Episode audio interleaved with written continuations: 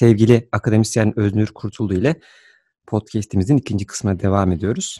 Birinci kısımda çok güzel şeyler konuştuk hocam ama çok büyük bir konu değil mi? Ve çok önemli bir konu. Dijital DNA'mız, e, geleceği bizi neler beklediği, Endüstri 4.0 çağında e, bizim nasıl ilerlediğimiz kuşaklar arasında elbette çok geniş bir konudan bahsediyoruz. Evet. Peki gençleri ne bekliyor hocam?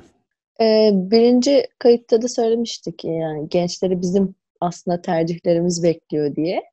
Ee, gençleri e, aslında sorunlar şu, sorun nerede başlıyor dersek aslında sorun gençler hedeflerini kendi kendilerinin koymamasıyla başlıyor. Yani gençler diğer insanların hedeflerini yaşıyorlar, bizim planlarımızı yaşıyorlar. Gelecekte belli bir simülasyon var onları bekleyen ve bununla e, hazırlık olarak bir robot gibi e, hedefler koyarak, bizim hedeflerimizi koyarak yaşıyorlar. Ve yine, yine o Y kuşağının korumacı ve e, korkularıyla yaşıyorlar. Şöyle bir öğrencim var mesela vardı. E, resim alanında inanılmaz yetenekli. Hı hı. Dahi seviyesinde yeteneği var ancak e, annesi ve babası onun doktor olmasını istiyor ısrarla. Çünkü e, doktorluğu e, güvenli bir meslek olarak görüyorlar. Yani düzenli evet. bir gelir e, olarak görüyorlar. Çocuğun hayalleri ya da yaratıcılığı alakalı bir kaygı e, yok haliyle. Tabii e, ki. Kaygı daha Bizim çok. Bizim ailemiz de evet. öyleydi yani. E, evet. Masa başı bir işin olsun, ama evet. başın ağrmasın. Düzenli Buydu. maaşın olsun. E, tabii düzenli maaşın olsun. Hafta sonu çalışma ama beşte e, işine git. E, ama hani sanat, yaratıcılık, e, sistem bunlar hiç düşünülmedi yani. Genelde ailelerimizin e, bizim üzerimizde hayal ettikleri bir rol var ve bunları hedef koyarak e, bir şekilde gençleri hazırlıyorlar. Ama bizim şöyle bir farkımız vardı. Dünyaya dair e, gördüklerimiz azdı. Şimdi şöyle bir istatistikten e, denk geldim geçenlerde. 16. yüzyılda gayet yetkili bir e, bilim insanının sahip olduğu bilgiye bu yüzyılda hı hı. başarılı bir şekilde liseyi bitiren bir öğrencinin sahip olduğuna dair. E, burada tabii salt teorik bilgiden bahsediyoruz, uygulamadan değil. Hı. E, şimdi ben hiç pilot olmak istemedim çünkü bir pilot görmedim, bir pilotun hayatını da görmedim. Ben evet. bunları bilmediğim için istemedim. Şimdi bu yüzden de ailemin benden beklediği şeyler benim için gayet e, mantıklıydı. Şimdi gençler öyle değil tabii ki. Bütün bu teknolojinin içerisinde birçok hayata denk geliyorlar. Tabii işte ki. Futbolcuları tabii. çok görüyorlar, futbolcu olmak istiyorlar. Hani peki bu noktadaki çalışma nasıl e, geçiştiriliyor? Evet, şimdi bundan bahsedeyim. E, muhtemelen benim dedem babamla ilgili bir hayal kurabiliyordu. Yani ne diyordu?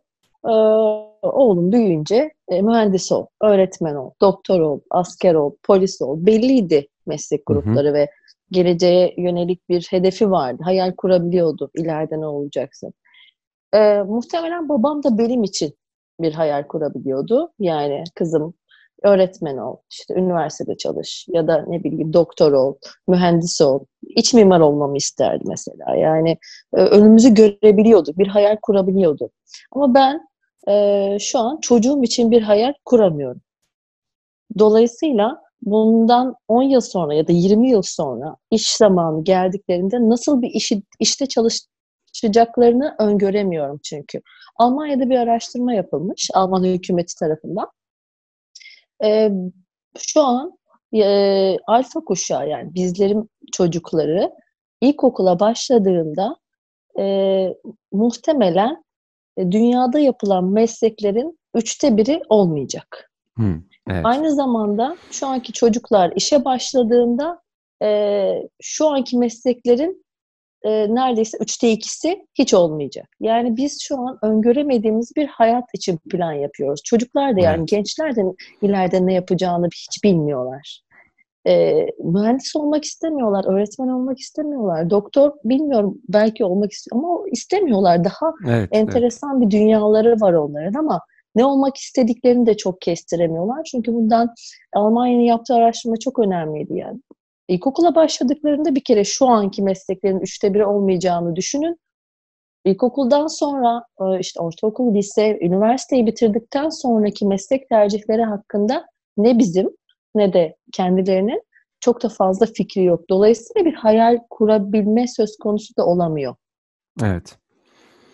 Bir şeyin peşinde gidemiyorlar. Yahut e, Gidemiyorlar. hayal kuramamanın sebeplerinden biri de odaklanamıyorlar. Çünkü sürekli olarak e, yeni bir şeyler geliyor, yeni bir şeyler değişiyor.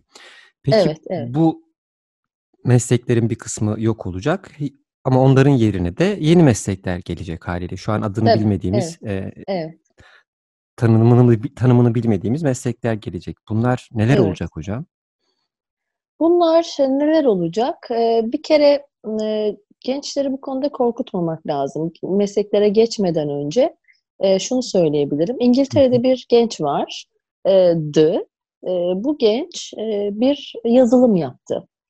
E, dünyanın ilk e, robot avukatı. Bir e, aplikasyon yaptı. Kendi yarattı. Kodlamasını vesaire.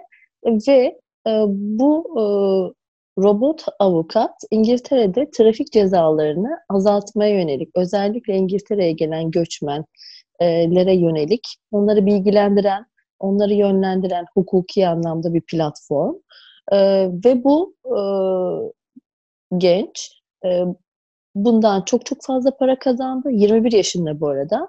E, aynı zamanda şu an İngiltere'ye gelen göçmenlerin insan haklarını koruma ile ilgili bir fonlama da yapıyor. O kadar büyüdü ki. Yani şimdi e, gençler dedik ya e, çok e, aktif, e, apolitik, yaratıcı. E, dolayısıyla e, gençlerin geleceğindeki meslekler de e, enteresan şekilde değişmiş durumda. Çünkü dünya değişiyor. Endüstri 4.0 çağında yaşıyoruz. Endüstri 4.0'ı biraz açacağımızı konuşmuştuk. Endüstri 4.0'ı biraz açayım, daha Evet, sonra evet mesleklere geçeyim. Yani öncelikle ilk sanayi devrimi, yani e, su ve buhar gücünü kullanarak mekanik üretim sistemleriyle ortaya çıkan ilk sanayi devrimi Endüstri 1.0'dı. İkincisi ise e, elektrik gücünün yardımıyla seri üretimle tanışan bir dünya Endüstri 2.0. Üçüncü sanayi devrimi yani Endüstri 3.0 aslında dijital devrim. Hani dedik ya en başta ilk videoda özür dilerim ilk e, konuşmada e, bir devrim olacak mı bir dönüm noktası aslında e, üçüncü sanayi devrimi bir dönüm noktası sayılabilir. Dijital devrim geldi çünkü elektroniklerin kullanımı bilgisayar teknolojilerinin gelişmesiyle üretim daha da otomatikleştirildi. Şimdi ise dördüncü sanayi devrimini yaşıyoruz. Yani e, çağdaş otomasyon sistemlerini yaşadığımız veri alışverişlerini ve üretim teknolojilerini içeren kolektif bir dönem yaşıyoruz. Nesnelerin, nesnelerin interneti var. İnternetin hizmetleri ve işte siber fiziksel sistemler e, hayatımızın içerisinde akıllı fabrikalar, robotlar, bizi istediğimiz şekilde akıllı evler vesaire artık e, yönetebiliyor. E, aslında e, teknolojilerin yönettiği bir dönemde yaşıyoruz. E, aslına bakarsanız e, Endüstri 4.0'ı da aşmış, Endüstri 5.0'a e, yaklaşmış ülkeler de var. E, biz biraz daha Türkiye olarak tabii geriden takip edebiliyoruz. E, dolayısıyla Endüstri 4.0 ve 5.0 arifesinde dünya dönüşüyor, iş gücü dönüşüyor, e, eğitim dönüşüyor, üretim dönüşüyor, dijital de dönüşüyor. Bu yüzden artık mesleklerde, gençlerin meslekleri de yapacakları e, mesleklerde e, değişebiliyor. Değişiyor. Baktığımız zaman Hı hı. tabii Hı hı. baktığımız zaman örneğin e, Türk Hava Yolları'nın 1933'te kurulmuş çalışan kişi sayısı 23 bin civarında. Piyasa büyüklüğü 4.3 milyon milyar dolar. İşte uçakları var vesaire. İnsan taşımacılığı yapıyor değil mi? Evet. WhatsApp'a bakıyoruz. 99'da kuruldu. 55 kişi çalışıyor. Evet. Piyasa büyüklüğü 19 milyar dolar. Evet. Evet. Yani 4-5 katı Türk Hava Yolları'nın. Ne E- bilgisayar sunucuları var ve e, insan taşımacılığı değil, mesaj taşımacılığı yapıyor. Evet. WhatsApp'ın varlığı 19 milyar dolar, Türk Hava Yolları'nın, Turkcell'in ve Tüpraş'ın toplamına eşit. Şimdi baktığımız zaman gençler artık bu rakamları görmüşken, bu potansiyeli görmüşken e, girişimciliklerini de dijital üzerinden gerçekleştiriyorlar. Evet. Evet. Bunun Eee tek sebebi, eee, katma değerinin çok olması mı? Kârlı işler olması mı? Bi bir yandan da, eee, kolay olduklarını olduğunu düşünmelerinden dolayı mı sizce hocam? Sermaye yok. Sermaye y koymadan bir işe girişebiliyorsunuz. Girişimcilik yapabiliyorsunuz. Hı hı. Risk yok. Eee, girişiminiz eğer insanlarda karşılık bulursa çok hızlı sponsorluklarla yürüyebiliyor. B bugün baktığınızda, eee, Uber'in, eee, taksisi yok ama dünyanın en geniş ulaşım şebekelerinden bir tanesi. Bazı ülkelerde yasak olsa da. Eee, Facebook, aslında kendi kendine içeriğini üretmiyor ama Evet. dünyanın en büyük sosyal paylaşım sitesi. İçeriği üretenler biziz. Evet. Facebook durup dururken bir şey yapmıyor. Bir fikir olarak ortaya çıkmış. Ürün biziz. İşte, tabii ürün biziz. Eee, Booking, işte Airbnb gibi platformlar, eee, dünyanın en büyük konaklama sağlayıcıları ama bi hiçbir oteli yok. Evet. İşte Alibaba gibi, eee, alışveriş siteleri en büyük e-ticaret sitesiyken, eee, Alibaba'nın deposu yok. Çünkü, farklı bir platform. Evet, evet. Eee, kullanıcı odaklı. Dolayısıyla böyle bir dünyaya doğmuş gençler için, eee, meslekler de artık, ımm, başka başka evrildi. Bu mesleklerden birkaçı örneğin, eee, CEO'lar aslında şef, eee, experience officer dediğimiz, Hı hı. eee, üst düzey yöneticiler artık üst düzey yöneticilik becerileri de, eee, karşılıklı dijital teknolojiler üzerinden gidiyor. Gençler, eee, ileride CEO'luk hayalleri kurarsa yine dijital üzerinden kuracaklar. İşte Evet. içerik üretimi, VR editörlüğü bir meslek olarak karşımıza çıkacak. Bot geliştiriciliği, yazılım ve ürün geliştirme geleceğin mesleklerinden bir tanesi. Eee, IoT pazarlama stratejisi bunlar, eee, nesnelerin interneti olarak karşımıza çıkacak, eee, mesleklerden bir tanesi. Eee, bunun gibi işte yazılım ve ürün geliştirme adına, eee, hologram teknolojisi mesela, hologram görsel tasarımcısı.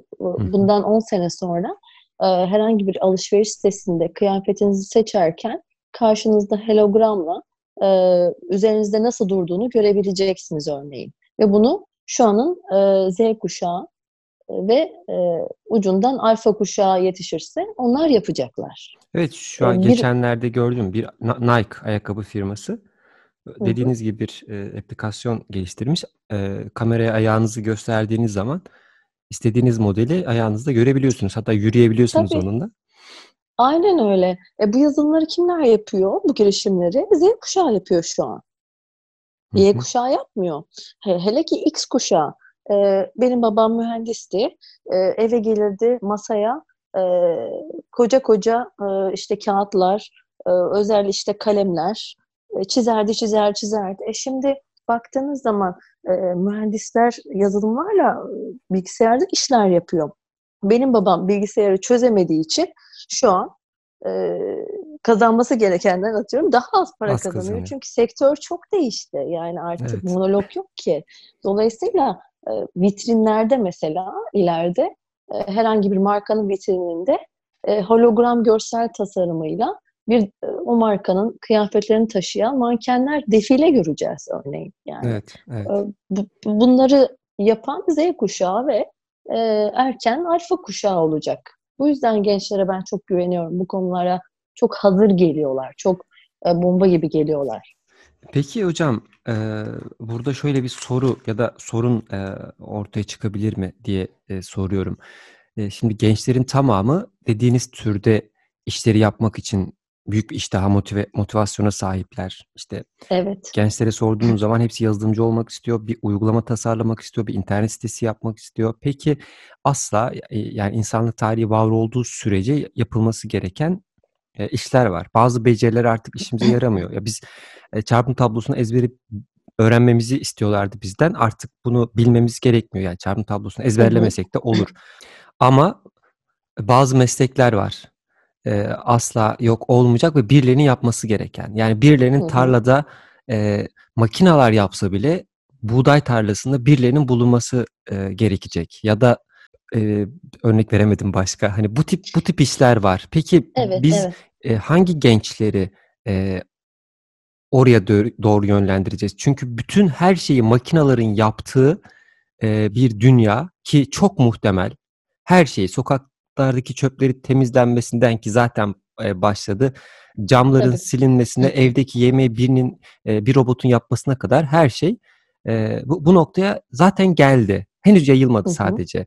Eee, Evet. peki o insan gücünün, eee, mecburen yer alması gereken şeyleri kim yapacak? Ya, mesela, eee, biz öğretmeniz, eee, siz de, ben de.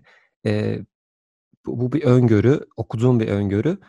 Eee, öğretmenlik mesleğinin yerini hiçbir şey alamayacak. Çünkü öğretmenlik sadece bilgiyi karşı tarafa vermek değil. Eğer öyle olsaydı şu gün bile kapatabilirdik okulları. Evet. çünkü her şey var zaten internette ama öğretmenlik Evet, mesleği kesin. kalacak. Niye? Bir duygu var, bir, eee, bağ var arada. Etkileşim var. Hı Evet ama, eee, önümüzdeki yıllarda kârlı olmadığını düşünerek, diğerlerinin daha kârlı olduğunu düşünerek hiç kimse öğretmen olmak istemezse, eee, ne Hı hı. Anladım hocam sorunuzu. Şöyle, tabii ki böyle bir dünyaya giderken biz de dediğiniz gibi tarlada, eee, emeğinin peşinde koşturan insanlar elbette var olacak. Her şeyi robotların vızk vızk gelip, "A, bu işi ben yapacağım artık, sen kenara çekil." dediği bir dünyada yaşamayacağız. Sadece, eee, daha alt işleri, eee, daha, ııı, bizi yoran, eee, elektrikten, enerjiden, birçok şeyden tasarruf ettirebilecek ve işimizi kolaylaştıracak alt grupları biz aslında robotlara bırakacağız. Dediğim gibi az önce geleceğin mesleklerinden biri CEO dedim ya, bir genç şu an CEO olmak için ciddi bir efor ve deneyim harcaması gerekir, değil mi? Deneyim olması Evet, gerekir şu evet. an. Beni bir şirketin genel müdürü ş CEO'su yapmaları için benim o şirkette 30 yıllık bir geçmişim, eee, vs. bir şey olması lazım. Kendimi ispatlıyor olmam Evet. lazım ve bu maceraya katılabilmem için buna göre bir eğitim vs. görmem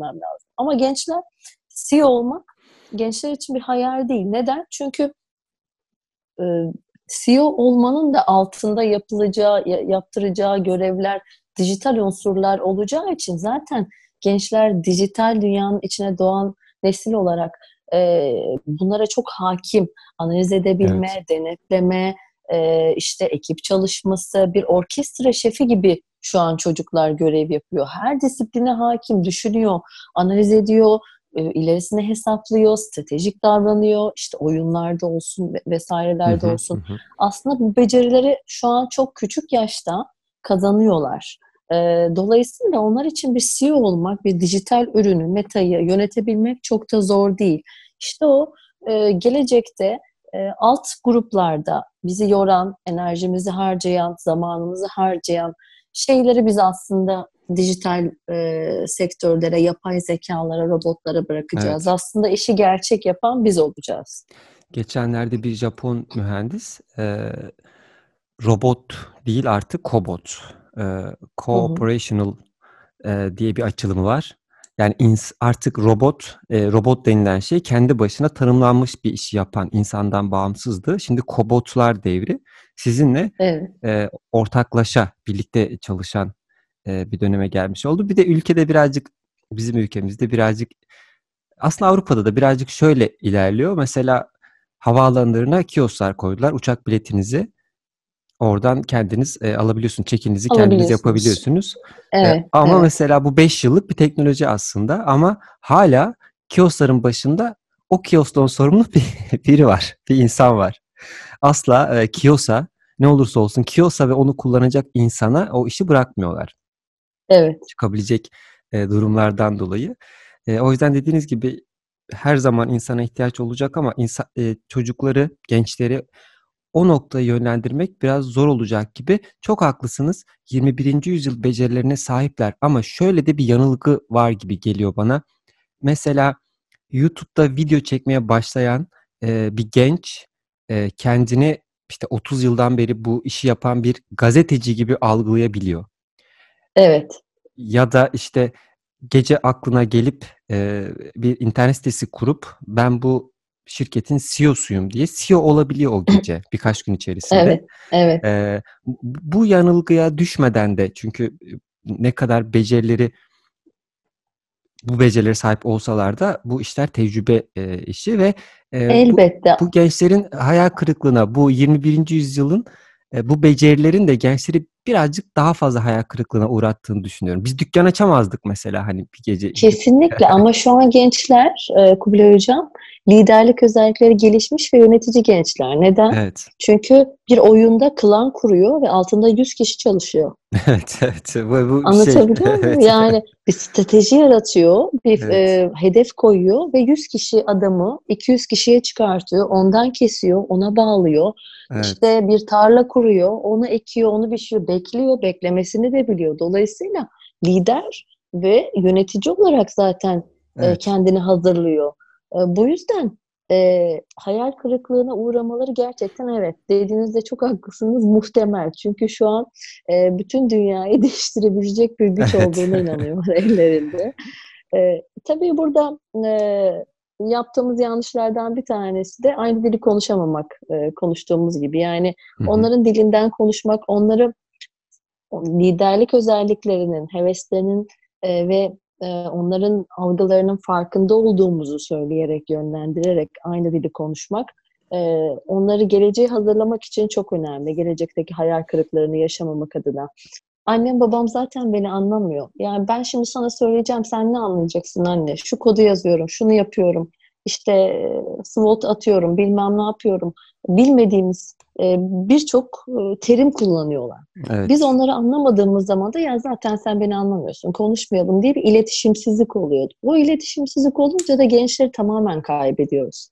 Dolayısıyla onlar bu sanal dünyanın içerisinde kendilerini lider zannederken, onlarca e, klan yönetirken, iş kurmuşken, sanal da olsa bir şey yönetirken, gerçek hayatın içine düştüklerinde e, sudan çıkmış balığa dönebilirler. Dolayısıyla e, onların yanında olmak lazım bu süreçte doğru yönlendirebilmek için. Evet bir karikatür vardı işte çocuk e, doğuyor diyor ki babam her şeyi biliyor. E, biraz daha büyüyor babam bayağı bir şey biliyor. Liseye gidiyor babam her şeyi bilmiyor olabilir. Üniversitede babam Hı hı. hiçbir şey bilmiyor ya dönüyor. E, iş hayatına Kesinlikle. başlayınca da babam bir şeyler biliyor olabilir diye bu e, skala biraz aşağı indi galiba. Çocuklar ortaokuldan itibaren babam bir şey bilmiyor ya döndüler. Çünkü Evet. e, bu babalar biraz şöyle e, ben şimdi çocukların İngilizce öğrenmesi için uygulamalar tavsiye ediyorum onlara. E, çocuk diyor ki Evet. babam izin vermiyor oynamama. Sürekli bırak bir telefonu diyor bana. Evet, E, evet, Baba sormuyor ne oynuyorsun diye, ne yapıyorsun diye sormuyor. Evet. Çünkü babanın kafasında çocuğun onu kullanması olumsuz bir davranış ve bunu engellemeye Evet. çalışıyor. E, kesin. Yaptığımız en büyük yanlışlardan bir tanesi yasaklamak. Evet. Evet yasaklamak ve sürekli olarak onun kötü olduğunu anlatmak. Hı hı, hı E, peki hocam geleceğin meslekleri 4.0'da ve 5.0'a geçtiğimiz şu dönemde geleceğin meslekleri e, konusunda daha fazla söylemek istediğiniz ve e, aklınıza gelen e, birkaç yıl önce olmayan ama şu an olan e, bir meslek var mı? Var. Ee, veri koruma sorumlusu diye bir meslek olacak mesela. Çünkü e, dijital dünyada dediğiniz gibi her şey o kadar açık e, ve sunuluyor ki e, her şeyimiz bulut teknolojilerine ve nesnelerin internetine havada asılıyken biz Hı hı. öyle bir dünyada yaşıyoruz ve verilerimiz kimin elinde, nerede? E, bunlara para vererek razı olduğumuz halde çok da bir fikrimiz yok. Dolayısıyla bu artık bir e, önümüzdeki yıllarda hukuki ve etik bir soruna dönüşebilir. İnsanlar kendi özellerini, kendi verilerini koruma çabasına girebilirler. E, Evet. Çok e, verilerin bu kadar yayıldığı bir dünyada ve başkaları tarafından işlenip size farklı bir şekilde sunulduğu bir dünyada. Dolayısıyla veri koruma sorumlusu diye bir e, kişisel verilerin korunması ile ilgili yine dijital ortamda Hı hı. bir e, meslek ortaya çıkacak diye e, öngörüyoruz. Ee, Okan Bayülgen yıllar önce bir programında, bayağı yıllar önce bir programında şöyle bir şey söylemişti. Ee, bir gün bir şirket kuracaklar ki o zaman öyle bir şey yoktu ve verilerimizi silmek için onlara para ödeyeceğiz. Kesinlikle. Ee, evet şu evet. an öyle şirketler var. Siz onlara var. miktar para ödüyorsunuz. Onlar sizin internetteki varlığınızı siliyorlar. Kesinlikle. Avrupa'da e, unutulma hakkı diye e, bir yasa e, bazı ülkelerde kabul edildi, bazıları da edilecek. İşte, e, bu sadece dijitalle alakalı değil ama dijitalle ilgili bir kısmı da var. E, sizin unutulma hakkınız e, var ve bunu kullanabiliyorsunuz istediğiniz zaman. Hani ben evet. e, tamamen her yerden silinmek istiyorum. Bu bir hak olarak e, doğdu. Başka bir evet. meslekte e, az önce aklıma gelmişti. Şu an unuttum hocam. Siz devam edin buyurun. Örneğin Kubilay Hocam bundan 25 yıl sonra medyadan yaptığımız gözlem şekli ve katkımız da başka yönlere kayacak. Yani Hı. klavyeler, masaüstü ve dizüstü bilgisayarlar, tabletler, akıllı telefonlarımız e, artan bir şekilde unutulmaya yüz tutacak. Bundan 25 yıl önce olduğu gibi. E, buna şaşırmamak lazım. 25 yıl önce de böyleydi çünkü. İşte sosyal medyada yaptığımız tüm etkileşimler ses kontrolü bile sağlanacak. Tüm gösterim şekilleri holografik bir yapıya kavuşacak. Artık 4 inç, e, işte 4.7 inç gibi akıllı telefon ekranları geçmişte bir ana olarak kalacaklar. Çünkü artık her şeyi e, biz holografik bir şekilde, canlı bir şekilde görebileceğiz. E, bunun yanında gelecekte mesela internet günümüzde elektriğin çalışması gibi olacak. Yani şöyle ki altyapının bir parçası olacak ve sadece kesinti olmadığında onu hissedeceğiz biz interneti. Elektrik evet. gibi. E, bu da reklam verenlerin tabii işini oldukça e, zorlaştıracak. Şu an evlerdeyken bunu e, birazcık hissettik değil mi? Bu geçişi birazcık hissetmiş olduk. Ne kadar önemli evet. olduğu, ne kadar hayatımızda evet. olduğunu e, görmüş olduk. Evet. 2039 yılında, 2040 yılında yani 20-25 yıl sonra e, en dramatik değişim sadece tükettiğimiz data miktarında olmayacak aslında. Yani aynı zamanda kendi kendine karar veren datanın gücündeki değişim de o oranda hissedilecek. Yani örneklemek gerekirse mevcutta cihazlarımız üzerinde bulunan sensörler şu an seçimlerimizi öğreniyor. Saatler e, kalp atışlarımızı takip ediyor. Hatta e, bazı markalar, spor markaları, bir sürü marka verdim. Bunu niye vermiyorum so- sorun yok hocam. evet, mesela Nike e, ne kadar sıklıkta ve ne kadar süratle koştuğumuzu biliyor. Ve artık bunlar, e, tüm bunlar daha başlangıç. Bizi yeni tanıyorlar. Algoritmalarına yeni katıyorlar. Ve bunu e, çok süratle önümüzdeki 20 sene içerisinde e, bize e, hizmet olarak da e, geri verecekler diye düşünüyorum. Biological hack diye bir şey var dünyada. Yani biyolojik olarak sizi hacklemek için e, evet. o biyolojik bilgileri kullanılmaya başladı. Bir adam var. De- David e, Dancy'di sanırım. Adını yanlış hatırlıyor olabilirim. The Most Connected Man on Earth diye bir adam. Mindful Cyborg Hı-hı. diye. Chris Dancy. Hı-hı. Chris Dancy diye e, aratılabilir. Hı-hı. Bu adam e, 30'lu yaşlarında iken e, çok fazla e, kilolu, obez e, denilebilecek e, şekilde e, sağlık sorunları olan e, hayattan vazgeçmiş ve e, bunalımda bir arkadaşımız ve bu bir gün sebepsiz bir yere verilerini takip etmeye başlıyor. İşte kalp atışı, nabız e, atışı, günde ne kadar yürüdü, ne yedi ve daha sonrasında bir obsesyon şeklinde gün içerisindeki tüm istatistikleri tutuyor bu adam. Hatta bütün hı gününü kameraya kaydediyor. Ee, şu an dünyayı gezip bu tecrübelerini anlatıyor ve 700'e yakın e, veri aktaran alet kullanıyor evde. Yani adamın hı hı. E, kanının ne kadar hızlı aktığından bugün evet. yediği yemeğindeki kaloriye kadar ve ve ilginç olan şey şu e, çok daha tazelenmiş, çok daha sağlıklı, çok daha kendine güvenen güçlü bir adam çıkmış Hı-hı. ortaya. İnsanın evet, kendini bu, bu nokta görmesi ama diğer taraftan da e, kalp atışımızın ne kadar olduğunu e, bilmekte büyük riskler e, oluşturuyor. Not almışım siz söylerken hocam. E, dediğiniz gibi e, gelecekte bu telefonlar, bilgisayarlar bir nostalji aleti olacak. Bu konuda kesinlikle Hı-hı. size katılıyorum. E, çünkü şimdi ben önemli bir işimi bilgisayardan yaparım. Eee, yeni nesil Evet. telefondan yapıyor. Ve benim için bilgisayarın bir ciddiyeti vardır ve önemli şeyler orada yapılır ve daha rahat, eee, kullanırım. Ama, eee, Evet. yeni nesil tabletten ve telefondan yapıyor işlerini. Bilgisayara Evet. dönüp bakmıyorlar. Evet. Bilgisayarların çoğunun yok bile. Tableti ve telefonla yeterli Evet. derecede çalışabiliyorlar. Evet, çoğu, eee, bilgisayar ist istemiyorlar. İstiyorlarsa da oyun oynamak için, eee, daha güçlü bir şey istiyorlar. Yoksa artık, Kesinlikle. eee, oyun şirketleri de, eee, eee, artık oyunları telefonlara, eee, göre, eee, yapmaya başladı. Ha, bu arada bir hı. notum daha var hocam. Eee, geçenlerde biriyle, eee, tanıştım. Me mesleğin ismini hatırlamıyorum ama şöyle bir işi var çocuğun.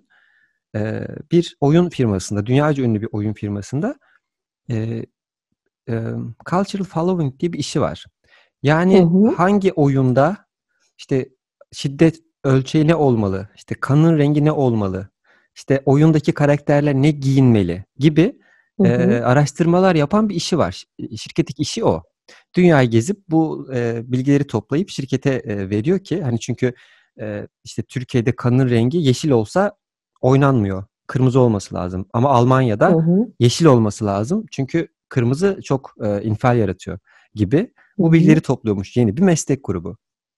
Hı hı. Öyle aklıma gelmişken söyleyeyim dedim hocam. Çok enteresan. Bunun gibi, bir birçok meslek grupları var hocam. Yani aklımızın hayalimizin almayacağı, Evet, evet. gelecekte tanışacağımız dedik. Ya yani, aaa, ilkokula gelmiş bir çocuğun, ııı, şu anki mesleklerin 3'te 1, işte, 2'sinin olmayacağı bir dünyaya doğru evriliyoruz. Daha çok şaşıracağız aslında. Evet. Eee, ama, eee, yavaş yavaş bitişe giderken şöyle söyleyeyim ben de. Eee, bir, eee, kimdi adı? Hatırlayabilirsem söyleyeceğim. A! Niye hatırlayamadım? Ay, Bernard Shaw mıydı? Bernard Bernard Shaw Shaw. mıydı? Hımm. Onun bir sözü vardı. Hıh, tamam. Eee, Bernard Shaw'ın bir sözü var. İii, insanları 3'e ayırıyor. Bir şeyi gerçekleştirenler, bir şeyi seyredenler ve gerçekleşen şeylere hayret edenler. Hı Şu an hı. biz, eee, Hayret hayret edenler. tarafında olabiliriz. Evet. Evet.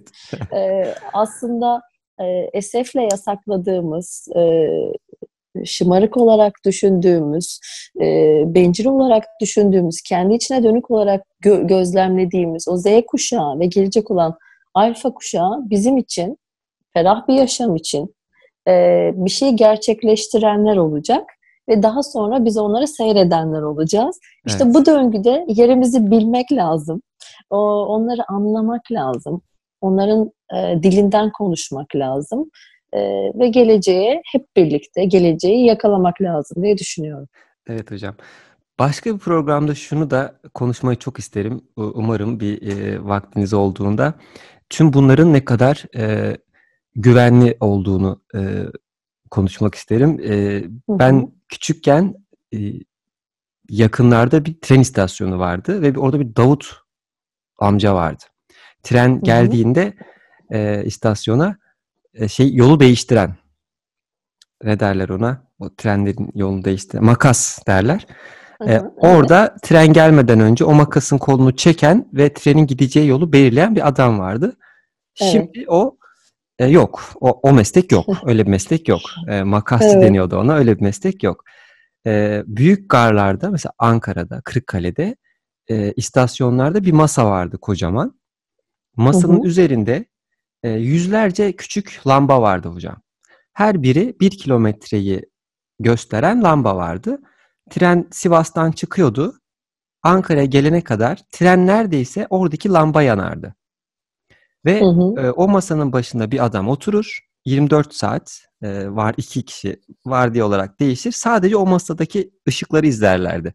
Işık durursa orada bir sorun var deyip oraya, eee, ekip göndermek için.